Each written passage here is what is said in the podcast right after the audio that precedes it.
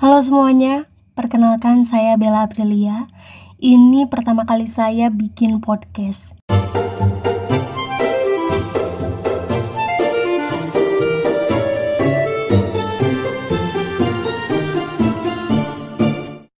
Sumpah ini gila banget. Gara-gara pandemi COVID-19 ini, itu semua kegiatan jadi di rumah aja. Jadi sekarang tuh kegiatannya makan, ngedesain, nonton YouTube, nonton film, drama Korea, nonton tutorial masak sampai prakteknya. Terus saking gabutnya itu video call temen satu persatu, terus bikin video TikTok challenge lah, dan semuanya itu yang paling penting nih, ini sering banget rebahan, rebahan sama rebahan. Gila, itu bikin pusing. Sampai ketika mantengin media sosial itu tuh banyak berita-berita yang tentang uh, eh, COVID-19 dan juga macam-macam hoax. Ah itu bikin pusing.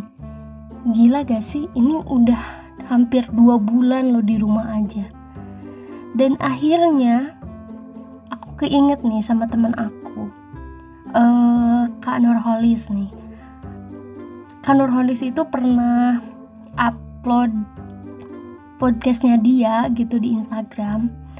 Aku sampai keingetan ya udah aku coba uh, install itu Spotify. Aku denger semuanya. Astaga saking gabutnya saking gabutnya itu semua didengerin. Itu podcastnya kalau nggak salah ada 11 10 atau 11 saking gabutnya itu semuanya didengerin. Dan akhirnya aku jadi kepikiran gimana kalau misalnya aku bikin podcast aja gitu. Karena jujur sebelum sebelum pandemi ini aku sering bersosial sama temen-temen. Karena memang keseharian aku tuh di pramuka di pramuka jadi sering ketemu sama orang-orang. Terus ketika di rumah aja itu jadi pusing banget gitu. Nah aku aku putuskan buat bikin podcast ini supaya uh, untuk ya kita jadi nggak lupa gitu bahwa kita harus bersosial juga gitu. Nah makanya aku bikin podcast ya nantinya aku sering collab sama teman-teman aku di podcast aku. Dan juga uh, ya intinya untuk supaya kita tuh nggak lupa gitu tentang bersosial gitu intinya. Dan juga ini benar-benar sam sampai pusing gitu. Ketika di rumah aja nggak ngapa-ngapain gitu.